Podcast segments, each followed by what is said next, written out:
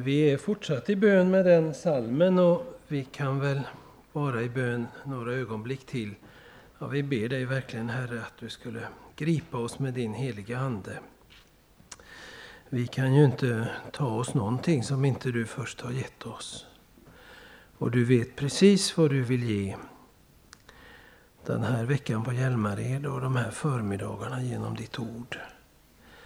För du är expert på att känna oss och veta vad vi behöver och var vi befinner oss just nu. Herre, ta tag i oss och skydda oss och bevara oss.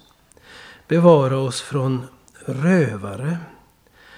För när Guds rike är i växt, och det är det här, så kommer också själafienden och är så orolig och ängslig.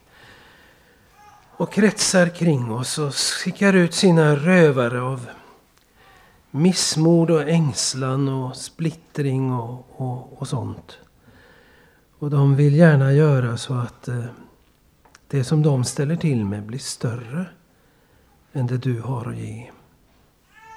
Herre, bevara oss för de rövarna och låt oss få ta emot din barmhärtighet.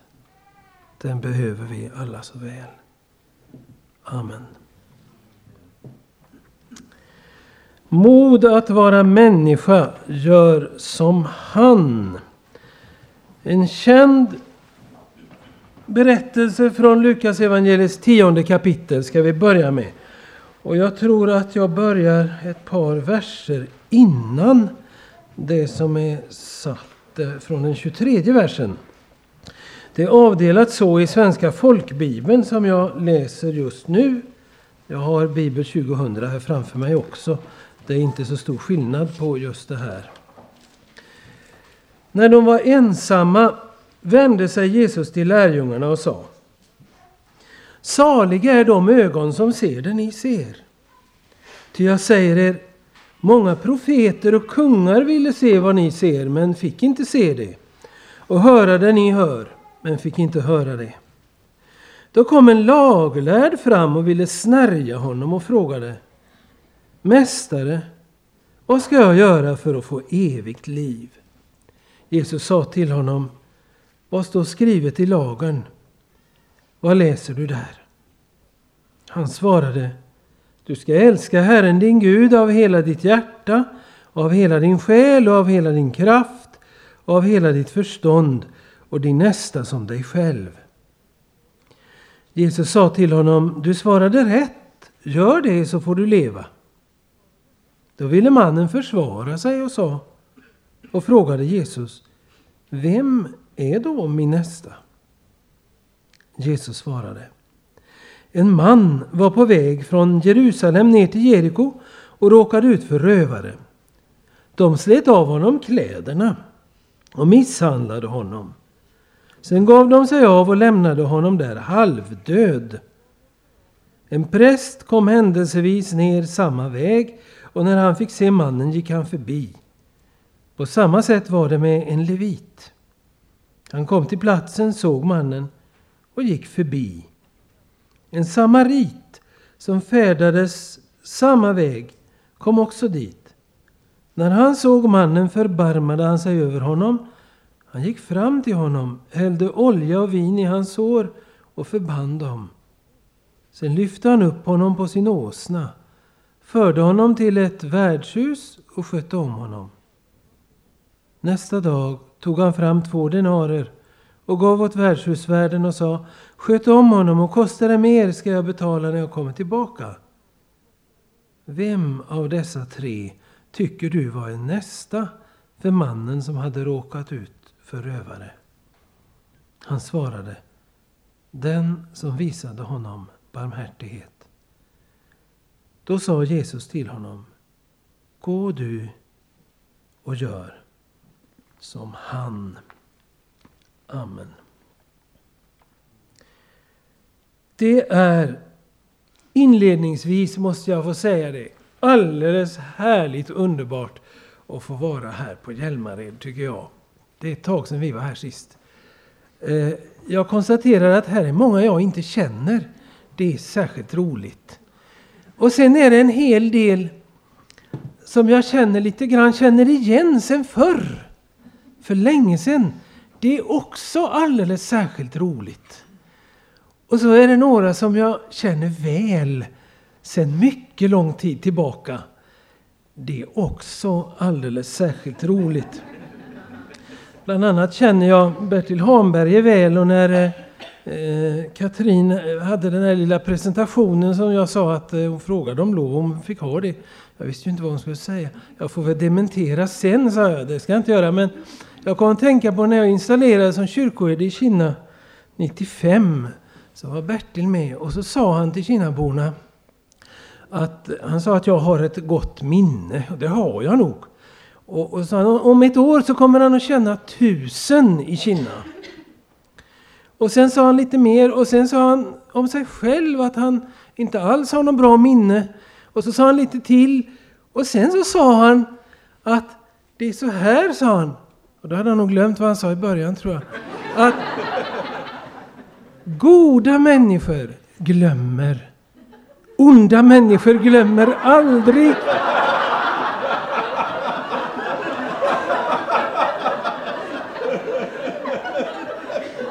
Och Bertil, det har jag aldrig glömt.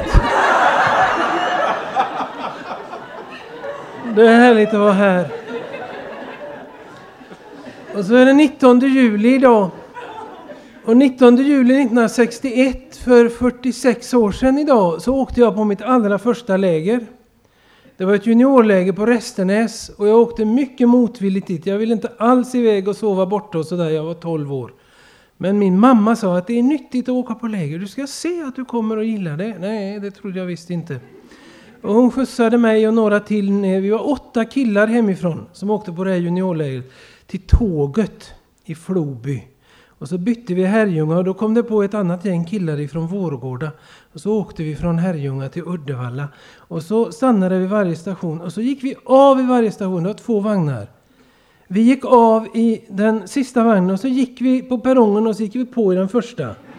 Det gjorde vi eh, på varje station. Ända till vi kom till Flakeberg. Flakeberg city, det ligger mellan Grästorp och Vargön ungefär. Då var det två som blev efter. Tåget for. Och jag fick pilla fram till konduktören och säga att det var två som blev kvar där. Och så stannade tåget och så backade tåget och tog upp de två. Och så fick vi en rejäl utskällning att nu, nu sitter ni här och rör inte ur fläcken. Och det gjorde vi inte. Och det var, det var en härlig vecka på, på Restenäs. Och jag har fortsatt åka på läger.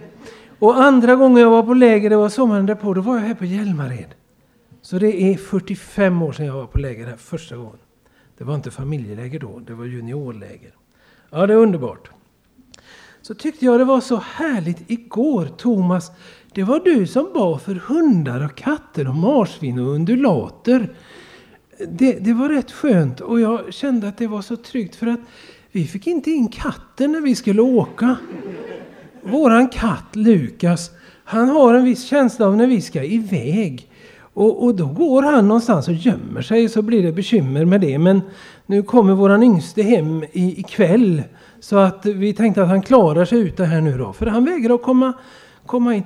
Men för tre år sedan när vi var i stugan och hade haft med katten en hel vecka. Han gillar att vara där och han avskyr att åka bil.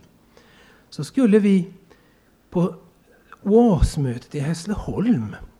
Och skulle vi en sväng hemma om Kinna och lämna av katten och så var det väl någon som skulle passa honom. Och vi brukar försöka stänga in katten när vi börjar packa. För då anar han oråd.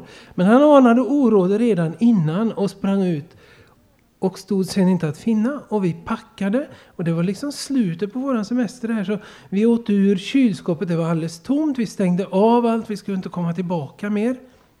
Och så var vi färdiga och skulle åka på kvällen. Ingen katt. Jo då, vi upptäckte honom. Han sitter under stenfoten.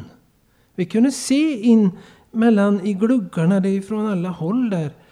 Satt katten och glodde mitt i under huset. Och vi plockar fram det längsta kvastskaft och sånt där som finns ifrån bägge håll och försöker peta ut honom. Men huset är precis så stort så att det får plats en katt mellan de längsta pinnarna som gick att uppringa där. Och där satt han och stirrade på oss. hur får vi fram katten? Ja, mat brukar funka. Han gillar när vi grillar, då kommer han alltid. Men vi hade ju inget att grilla. Så jag åkte ner fem i åtta, de stängde åtta, slängde jag mig in på ICA och köpte grishals, var det enda som fanns kvar. Och vi var mätta för vi hade ju ätit ur kylskåpet och sådär. Och vi satte oss där och grillade i småregnet klockan åtta på kvällen. Ingen katt, han är slugare än så. Vi fick äta upp de där grishalsarna. Vi petade i oss dem och var tvungna att lämna katten. Sen fick han vara ensam och leva på möss och småfåglar en hel vecka. Men då ska jag säga att han ångrade sig. Det sa han efteråt. Sen var det detta med förväntningar inför de här dagarna som vi skulle fundera på igår. Va? Och det tänkte jag att det har jag verkligen. För jag ägnade några av den här kommittén, har ju varit ute och jobbat och tänkt och haft telefonsammanträden och, och försökt att, och dra in den stackars bibelstudieledaren som har tänkt på helt andra saker i våras och så. Och inte på det här. Och, och, vad tycker du och vad säger du och sådär. Och jag har inte haft så mycket mening med det. Och de har, de har gjort allt i ordning så fantastiskt. Men i förra veckan så, så satte jag mig ner och förberedde det här i alla fall. Och lite samtalsfrågor och så bibelställen och noterade, skrev ner på lappar. Och, för våran server i nätverket har varit paj i två månader så vi kan inte använda våra datorer. Lika bra det. Och ehm, så startade våran semester i lördags och vi åkte till Skåne och var på ELUs stora sommarmöte, ELM, Evangelisk Luthers mission, det som tidigare hette Bibeltrogna vänner, i Lund. En härlig söndag. 2 500 människor ungefär i det gröna. Solen sken. Och vi hade ställt våran bil på en bevakad, av sommarmötet bevakad parkering. Just i Helgeands pastorat som vi hörde om. Mm. På Nordanväg. Och vi hade ätit lunch tillsammans och varit i bilen klockan två. När vi skulle åka halv fem ungefär. Så hade någon kommit förbi, en rövare, och krossat rutan och tagit, inte våra väskor och all packning som stod där och så, men min svarta kostym och prästskjorta som jag skulle ha på vännen Rune Gustafssons begravning i tisdags. Och så mina två väskor, en dokumentportfölj med alla de här lapparna till den här veckan. Och, och min bibel var där i och, och, så. Och så en väska med lite böcker, där var min kalender. Så jag har en fri höst nu. Det är ingenting. Och så var det biblisk ordbok. Och, som jag alltid bär med mig för jag hittar inte annars i Bibeln. Och så var det viskningar från katakomberna av Magnus Malm som jag skulle läsa. Och så var det Boris Salos pressmötesavhandling för Borgå stift. Och så var det en deckare av Camilla Läckberg. Så vet ni det. Det hade de tagit. Och så Gunvors jacka. Och inget mer. Och vi gick där och letade och letade och letade. Och letade. Nej, det fanns inte. Så... Ehm, jag tänkte ägna gårdagens förmiddag åt att kanske lägga över lite på Powerpoint för det tänkte jag, det finns ju här och så, vara pedagogisk. Men nej! Jag fick ju sätta mig ner när vi kom hem och rekonstruera lite grann. Så mina förväntningar är, jag har sagt till Gud, om du nu inte hade någon ängel ledig som kunde vaka över min bil, så får du ju ge det. Så jag kan ställa mig helt åt sidan. Det ni får är direkt från Gud. Hade du en särskilt fin bil var det någon som sa på sommarmötet. Nej sannerligen, det var bara min de slog sönder. Den var dammigast av alla. Och när vi hade köpt den, Opel Astra 01, så sa Greta Persson i Jinkalunda när jag var ute där med nattvarden, hon kom ut på trappan. Grönt är en ful färg och det var den fulaste gröna färgen jag någonsin har sett. Så, så var det med det. Och så var det någon annan som sa det på BV-mötet att ja, du har väl hört den historien om de två som åkte tåg genom Lund. Och två herrar obekanta för varandra. Så säger den ene när de passerar Lund. Ja, jag hade en anfader som stupade i slaget vid Lund. Och så svarar den andra. Ja, Lund är en rälig stad. Här blir jag av med mina galoscher en gång. Så är det. Där är vi. Så jag har stora förväntningar. Så en liten bild till och det här hör kanske ändå ihop innan vi går in i texten lite mer rejält. Klockan 5.55 i morse så kom brödbilen.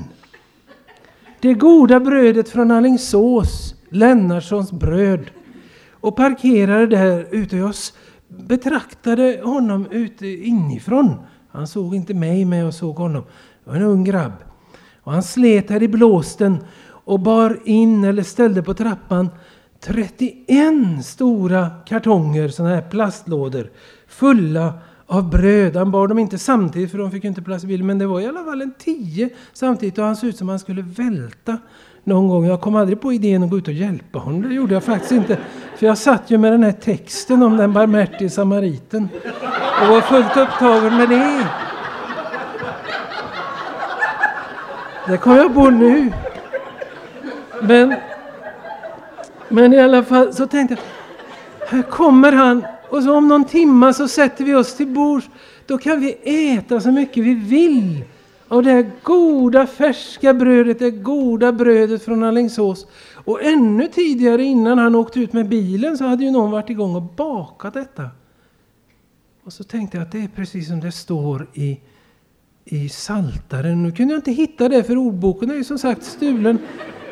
Men jag vet att det var just Rune Gustavsson som väckte mina ögon för många år sedan just för den versen som är ett sånt härligt evangelium. Det är fåfängt att bittida stå upp och sent gå till vila. Detsamma ger Herren åt sina vänner medan de sover. Och medan de flesta sov här så kom brödet och så fanns det där. Och nu har vi livets bröd som är Jesus själv som möter oss i ordet. Det är förberett och vi får ta för oss. Det är ganska underbart. Mod att vara människa gör som han. Får jag stanna lite till kring det här med mod. Vi hörde om det igår kväll en del. Men kan inte bara två minuter vända er mot varandra och försöka vara lite analytiska och semantiska och göra en definition på ordet mod eller frimodighet för varandra. Vi behöver inte dela det sen. Bara så ni får igång tankarna och tungorna lite grann också. Vad är egentligen mod? Vi rör oss med ord, men lägger vi in detsamma i det? Eller vad betyder det för mig? Vad betyder ordet, ordet mod? Vänd er till varandra och prata i en minut eller en och en halv. Och vad är motsatsen? kan ni också fundera på. Men ni kan gärna få berätta för mig sen i någon paus vad ni kom fram till. Jag har skrivit två ord på, på tavlan här. De finns ju bägge två i Bibeln och i Nya Testamentet. Varning för högmod. Saktmod som en positiv egenskap. En andens frukt kanske till och med. Men finns det också, funderar jag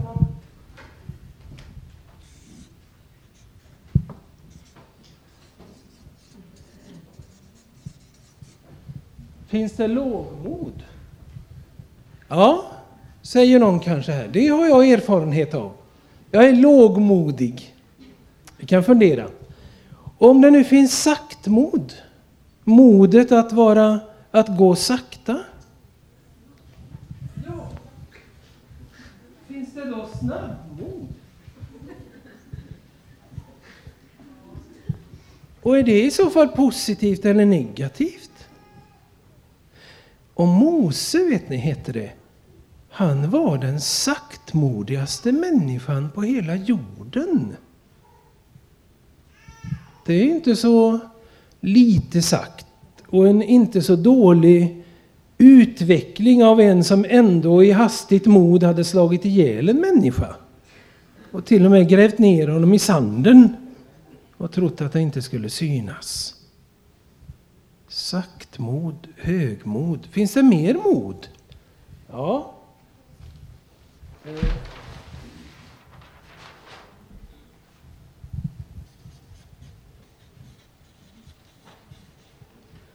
Jag vet inte vad ni sa, om ni sa någonting om vad som är motsatsen till mod. Det är kanske missmod. Finns det då motsatsen till att man missar någonting är ju att man träffar någonting. Finns det något som vi kan kalla för träffmod?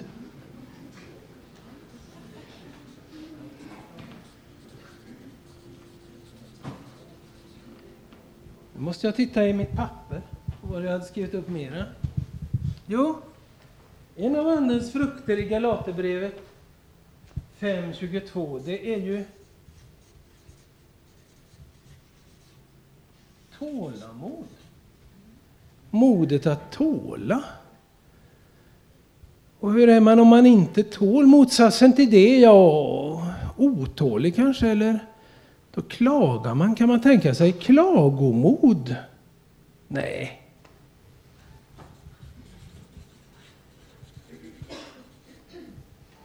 Eller varför inte? Idag är du allt bra klagomodig. Eller jag. Jag får be om tålamod istället. Det finns något som heter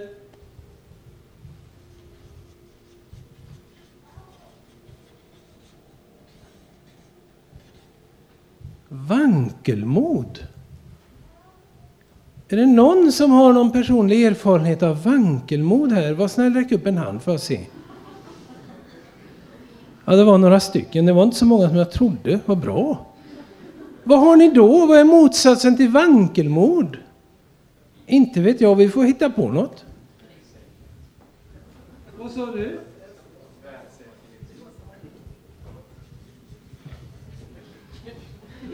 Vinkelmod tänkte jag.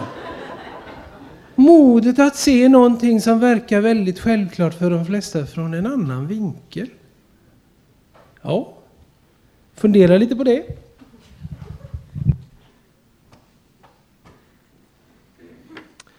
Det här med missmod. Jag minns en, missions, en nordisk missionskonferens på Å hösten 76 eller 77, kanske 77. Då sa den norske missionären Gabriel Eikli det här, som jag inte heller har glömt. Missmod är till 99 procent såret hovmod. Fundera på det. Om missmodet i ditt liv till 99 procent sårat högmod. Förr i världen så sjöng vi ur nordisk sång. Där fanns en sång 354. En dansk sång. Andra versen var Lär mig och känna dina tankar och övers i att tänka dem och när i angst mitt hjärta bankar där må du kalla modet fram. När jag har tänkt mig trätt till döden Si så vad du har tänkt, o Gud. Där kan jag se bak morgonröden. Att morgonröden bak tvil och vonde väller ut. Jag tror att det är det som är saken egentligen. För tvivel och vånda känner vi. Och mod vänder vi ofta på. Vi som skulle vara omvända förstås. Så det blir det här som vi hörde igår, dom. Och sätter vi sådana rubriker, gör som han, gör som hon, be som han. Så är det visserligen direkt ifrån Bibeln, åtminstone idag. Men en och annan kan uppfatta det som ja, det är metoder, tekniker det handlar om på rätt sätt. Och jag är nog inte på rätt sätt. Nu går vi in i berättelsen bara några minuter innan vi tar en liten bensträckare. När de var ensamma sa Jesus bara till lärjungarna Saliga är de ögon som ser vad ni ser. Vad var det de hade sett? Kommer du ihåg Selma Lagerlöfs novell Den heliga natten i Kristuslegender? Nej, det är bara vi som är jättegamla som har läst sånt kanske. Eh, den är ganska personlig. Den börjar med att författarinnan säger att jag har, sedan jag var fem år har jag inte upplevt någon så stor sorg som jag var med om då. Då dog min farmor. Och när den svarta kistan bars från gården, hon bodde ju där hemma på Mårbacka, så upplevde jag att där bars iväg alla sagor, äventyr, berättelser som hela min barndom var fylld av. Och det vet vi ju vad det ledde till. Ett långt författarliv. Det var farmor som sådde.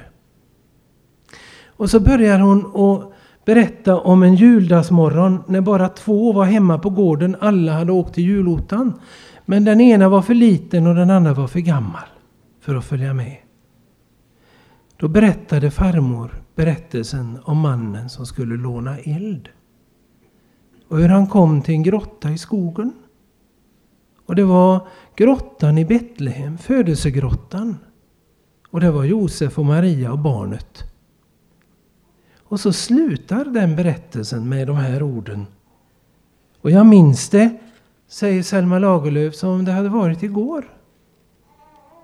Att farmor lägger sin hand på mitt huvud och ser mig i ögonen och säger Ser du, det kommer inte an på ljus och lyktor. Utan det kommer an på om vi äger sådana ögon som kan se Guds härlighet. Saliga de ögon som ser det ni har sett. Det var många andra som hade sett det också.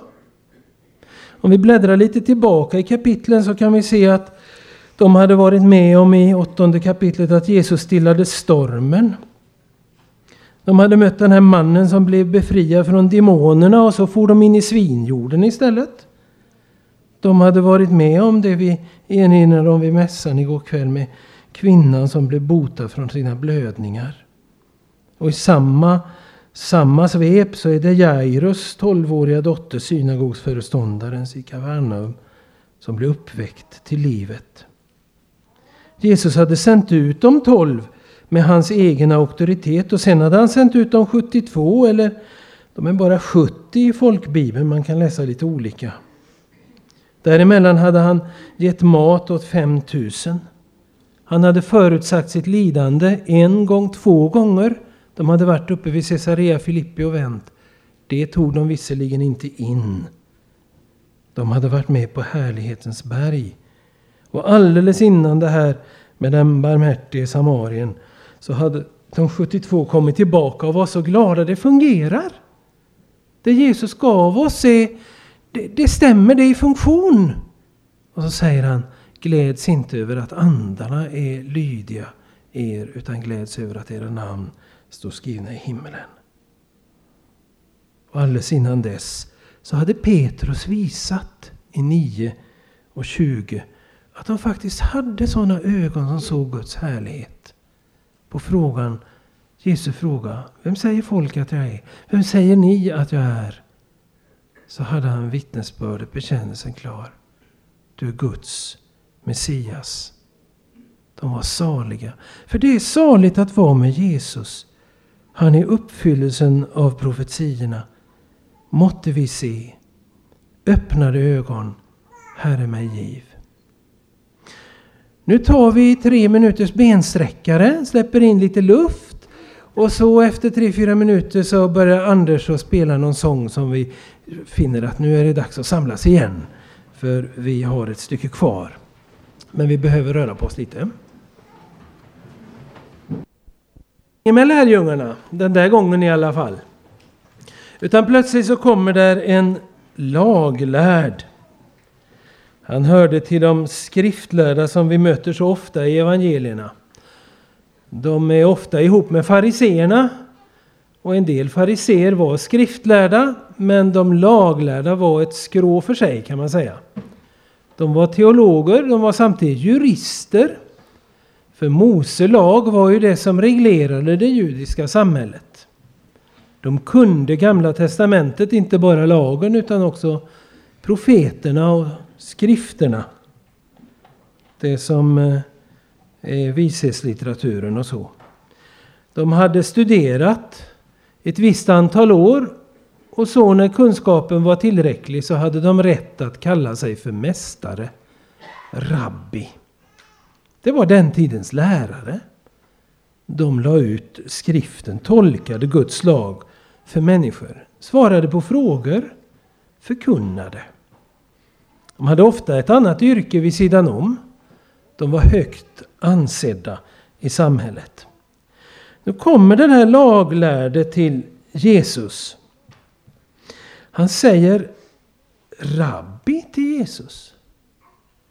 Han är ganska hövlig. Han kallade honom för kollega. Men ändå var det ju så att han ville snärja honom. Eh, det står det. Det vill säga han ville få Jesus att trassla in sig. För de här laglärda såg ju på Jesus med stor skepsis. Hur kände de det? Ett hot säkert. De tillhörde visserligen själva lite olika skolor. Hade olika tolkningar av centrala bibelställen. Men denne, vem var han? Och så samlar han så mycket folk. Och människor säger, aldrig har någon talat som den mannen talar. Han var ett orosmoment. Kan vi avslöja honom som charlatan? Som demonisk? Så vore det någonting bra. Så lugnet kan återställas. Den här laglärde, han hör till dem som ville snärja Jesus. Frågan han ställer är ju jätteviktig. Vad ska jag göra för att få evigt liv? Det är egentligen den sant mänskliga frågan i alla tider. Vad ska jag göra? Vi utgår från oss själva. Vi tror att vi måste göra någonting och så få bli belönade efter förtjänst. Jesus möter den flera gånger.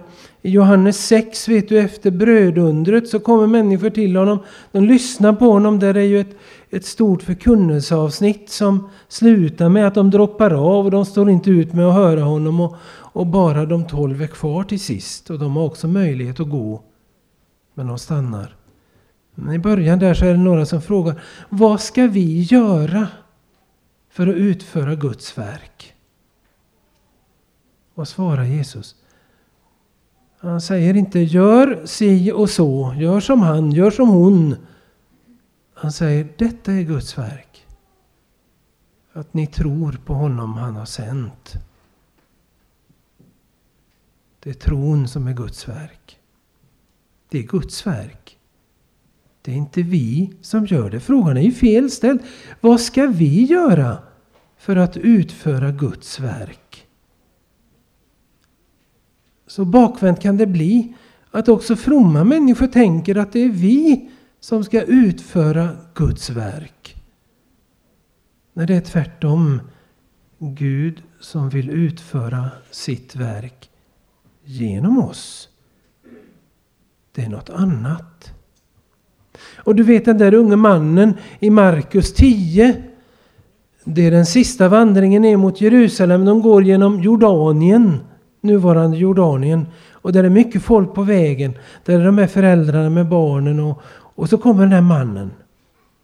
Och Markus är utförlig. Han, han skriver att Jesus fattade tycke för honom. Han fick kärlek till honom på ett alldeles särskilt sätt. Han har också den här frågan. Vad ska jag göra för att få evigt liv till arvedel? Och då svarar Jesus ungefär som han svarade den laglärde. Eh, eller ja, det gör han ju inte. För här låter han den laglärde själv komma med svaret. Han svarar den här mannen med att räkna upp buden. Och du minns att han har, han har faktiskt mage att säga allt det har jag hållit. Han var säkert uppriktig. Han trodde att han hade hållit det. Det var noga. För fariseerna inte minst.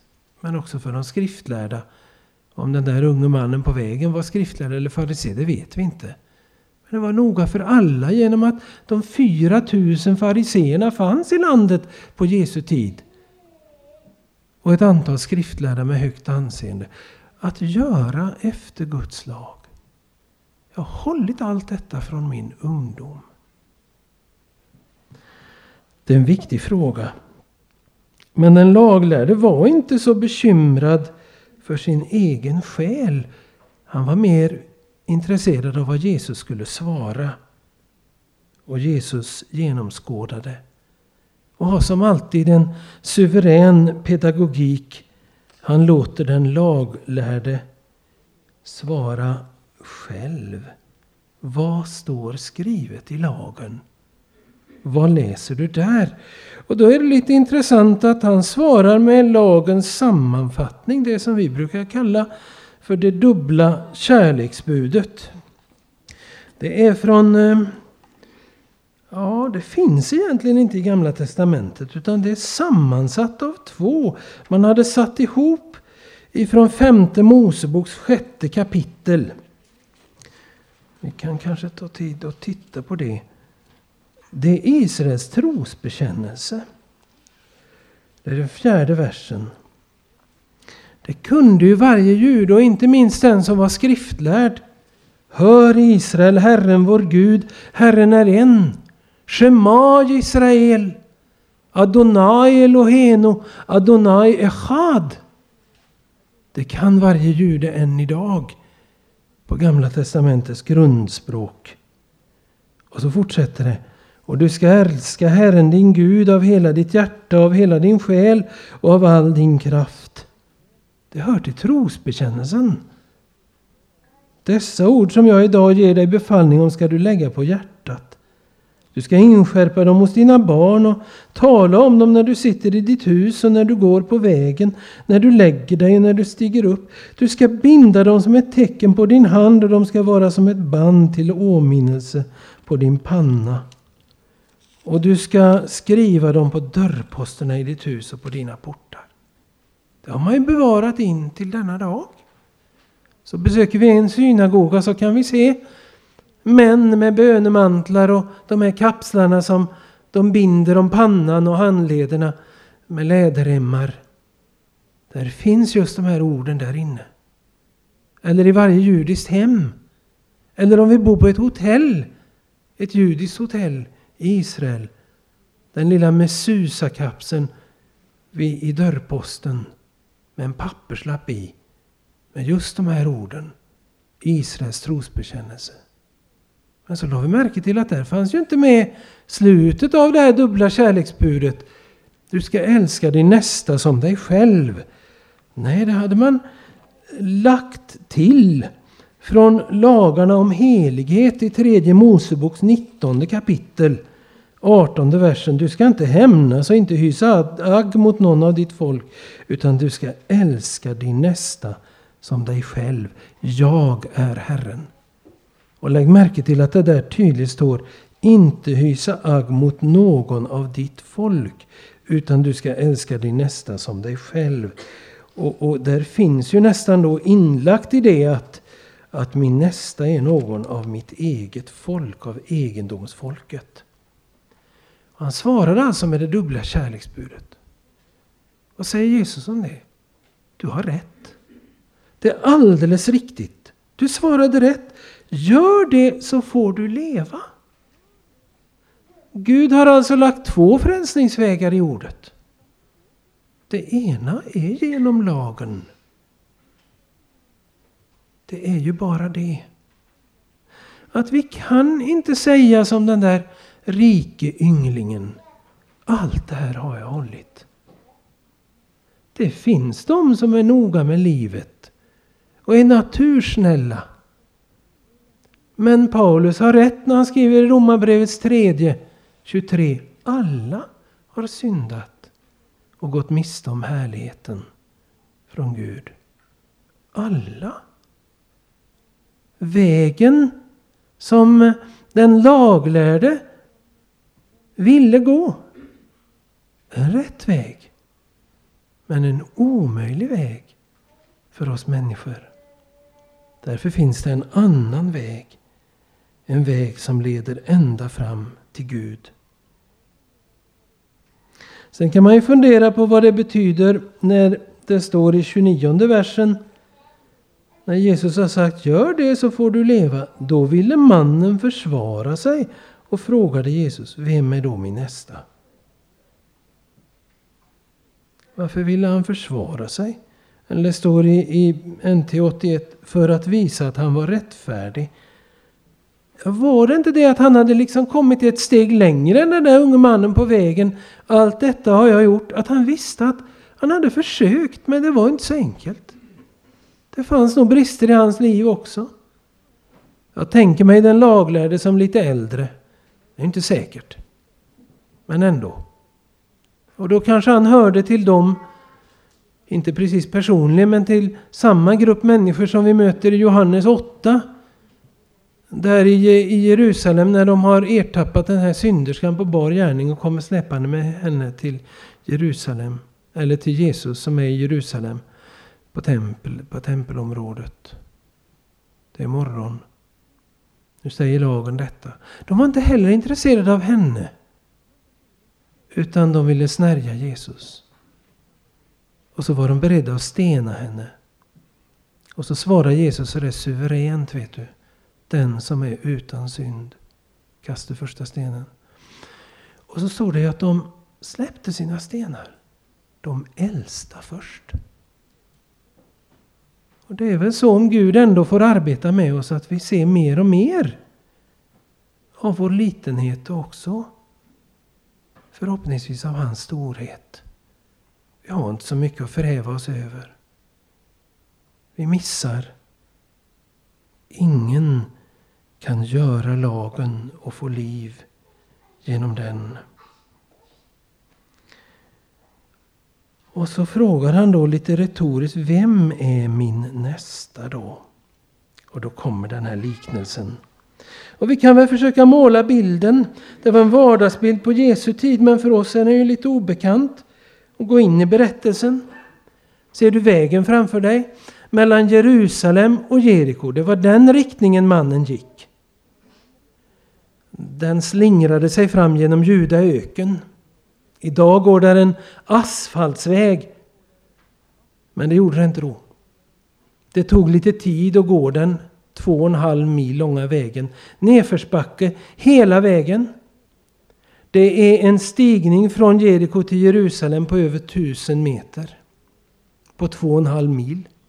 Mindre idag. Inte stigningen, men kilometerna. Det är bara två mil kanske.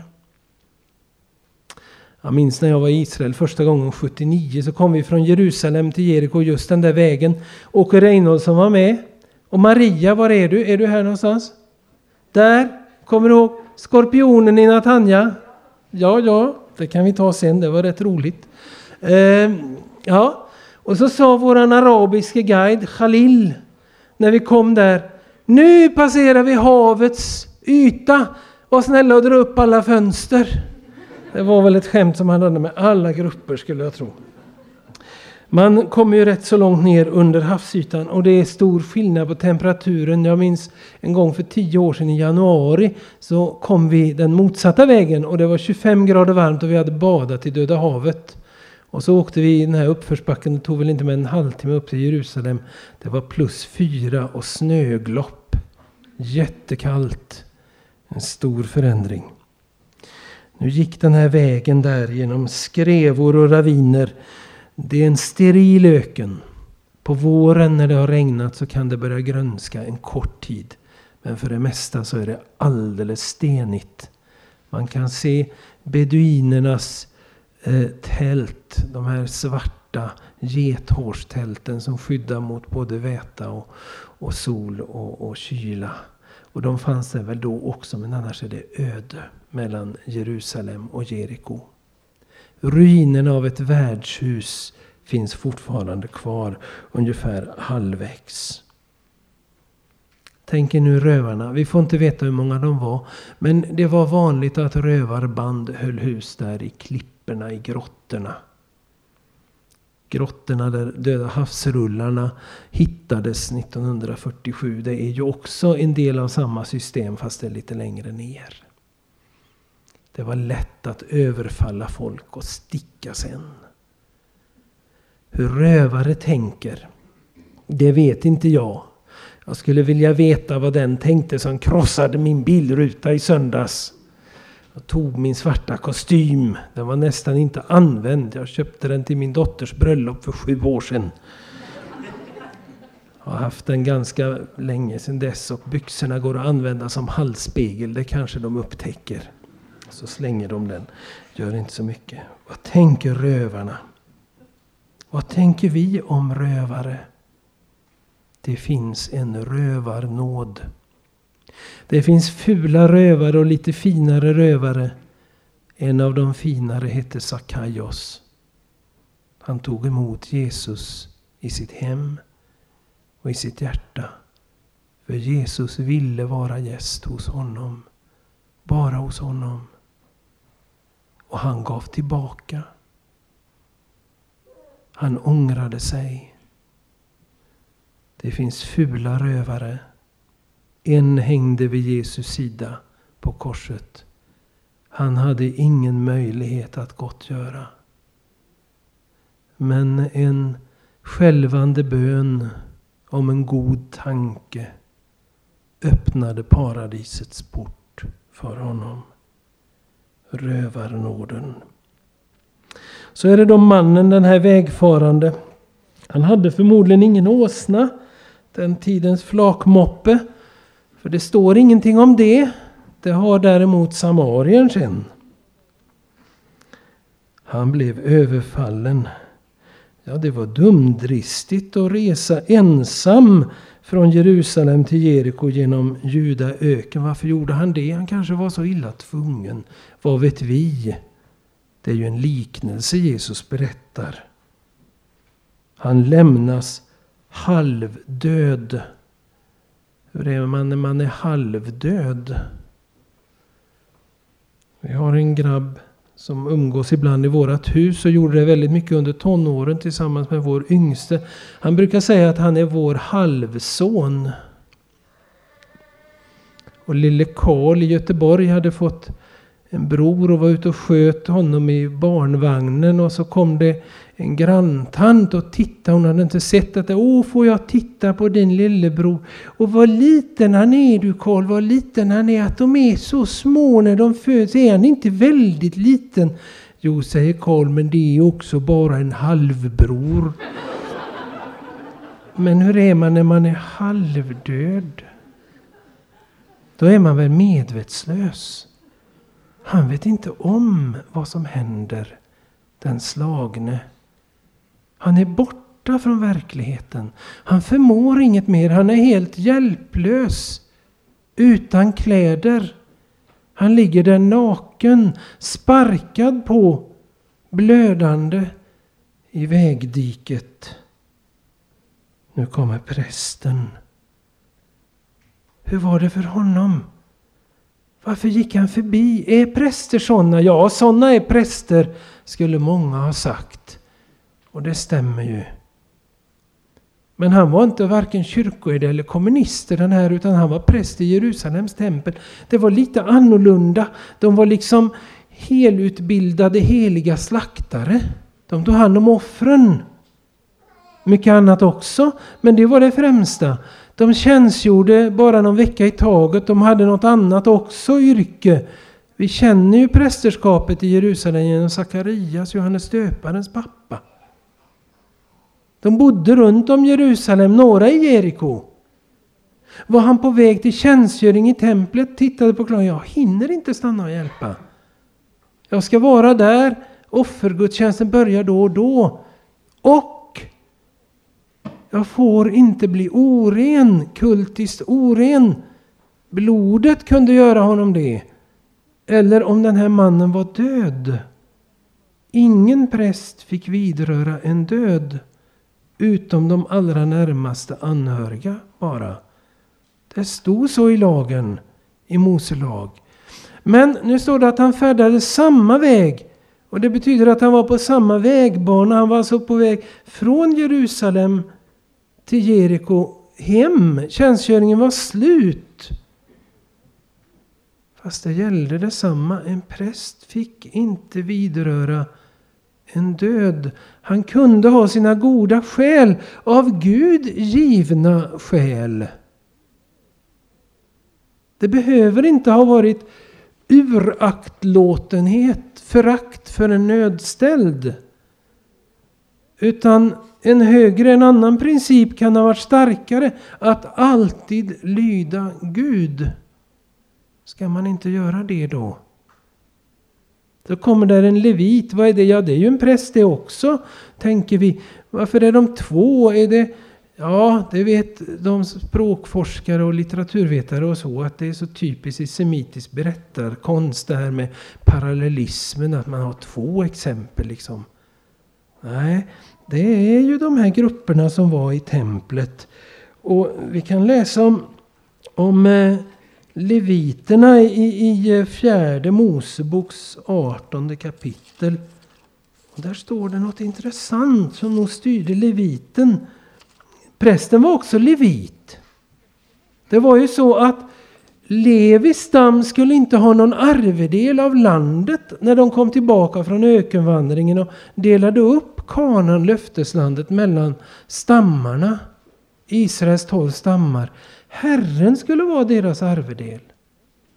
De skulle ta hand om kulten, om tillbedjan, om det andliga. Och så står det här om leviterna. Prästerna var av Arons släkt. Det var hans ättlingar som en ättling till Aron fick bli kohen, präst. Men de tillhörde också Levi-stammen. De som inte var ättlingar till Aron direkt, de var leviter. Och de var... Eh, de skulle få tillträde till helgedomen tillsammans med Arons söner. Och de skulle hålla sig till Arons söner och betjäna dem medan Aron och hans söner gör tjänst vid vittnesbördets tält. Det står i fjärde Mosebok 18.2. De ska sköta vad du har att sköta och vad som hör till skötseln av tältet. Det är ju redan på ökenvandringstiden där. De får inte komma nära de heliga redskapen eller altaret för att inte de och ni ska dö. De ska hålla sig till dig och sköta vad som hör till uppenbarelsetältet under all tjänstgöring vid tältet. Och så kommer det. Ingen främling får komma nära dig. Så leviten hade också fog för det. Vad är det för en som ligger där? Honom känner inte jag. En främling. Jag måste lyda Gud. Och så kommer det i konflikt det här. Prästen och leviten handlar efter lagens bokstav. Men det dubbla kärleksbudet står över renhetsföreskrifterna. Så kommer samarien. Han är inte bunden av detta. Han är utestängd från gudsfolket. Han tillhörde ju ett blandfolk. Han var föraktad. Samarierna hade inte hela bibeln, de hade bara Moseböckerna. De fick inte komma till templet. Han stannar. Han har olja och vin med sig. Renande och lenande. Han har en åsna. Han lyfter, han bär. Han fylls av medlidande, han ser. Han sköter om. Han vårdar. Han betalar. Två denarer, två veckor skulle det räcka. När jag kommer tillbaka får du mer. Jag betalar allt för den här stackaren. Nu kan vi tänka oss, frågan är alltså från den laglärde. Vem är min nästa? Vi kan tänka oss att det självklara svaret är det är den som ligger slagen vid vägkanten. Den människan ska vi se. Och det är ett rätt svar. Men Jesus ger inte de alternativen. Lägg märke till det. Han ger tre alternativ som svar på frågan. Ett. Är det prästen som är den slagne mannens nästa. Kryss är det leviten. Två är det samarien. Hur känner sig den laglärde när han ska svara på den frågan? Illa till mods tror jag. Berättelsen går ut på att det är en föraktad, en oren som är svaret på frågan Vem är min nästa? Älska din nästa som dig själv. Det högg djupt. Aldrig hade någon rabbi förordat att de förtappade samarierna skulle älskas av egendomsfolket. Men han måste säga, och han kan inte ta ordet i sin mun, så han skriver om det och formulerade därmed en stor sanning om Gud.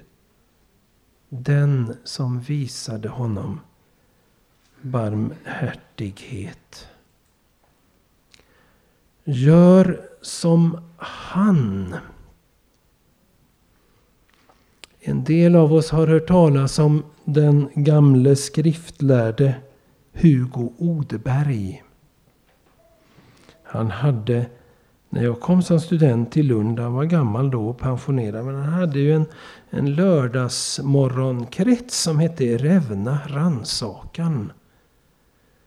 Där han tog upp texter på sitt lågmälda sätt. Och så minns jag från den här texten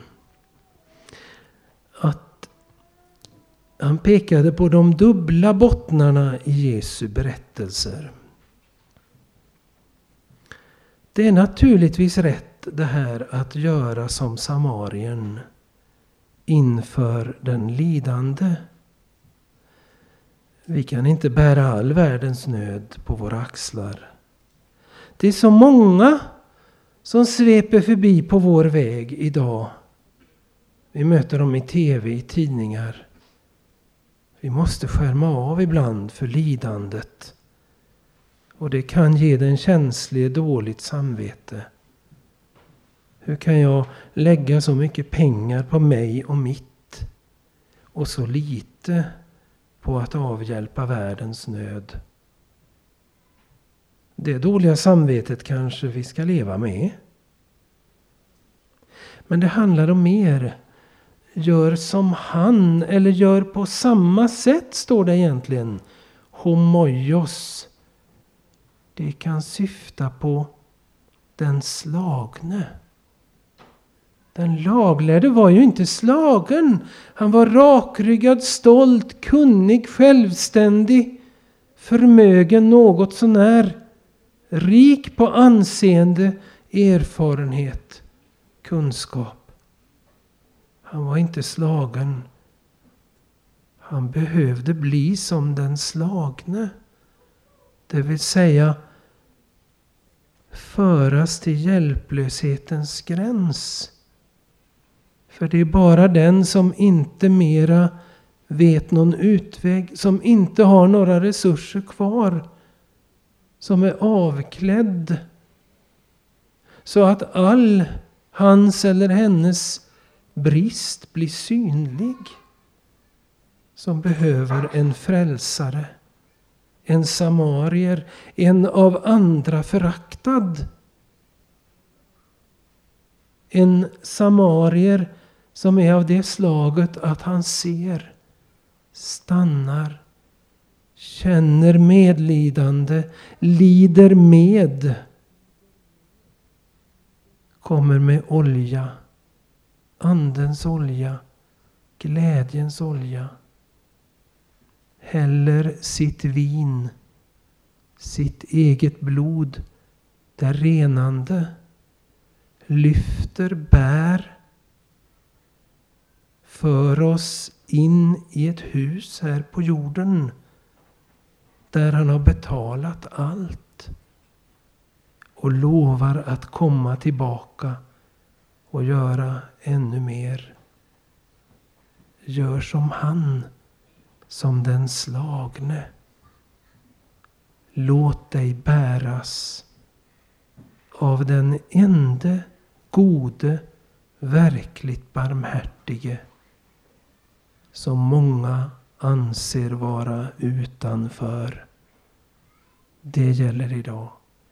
Jesus, Jesus och hans nåd. Amen. Vi tackar dig Herre för din barmhärtighet. Låt den få verka i våra liv. Så att vi inte blir så duktiga och präktiga att vi klarar allt själva. För då bedrar vi oss och går miste om livet. Amen.